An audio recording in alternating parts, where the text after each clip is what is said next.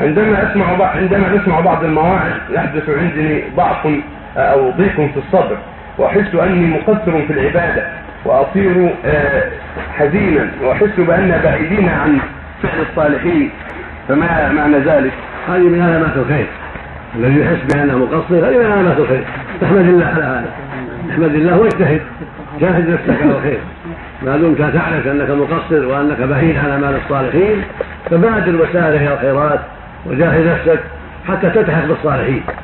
في صلاتك وصيامك وذكرك لله وجميع الأمور التي شرعها الله.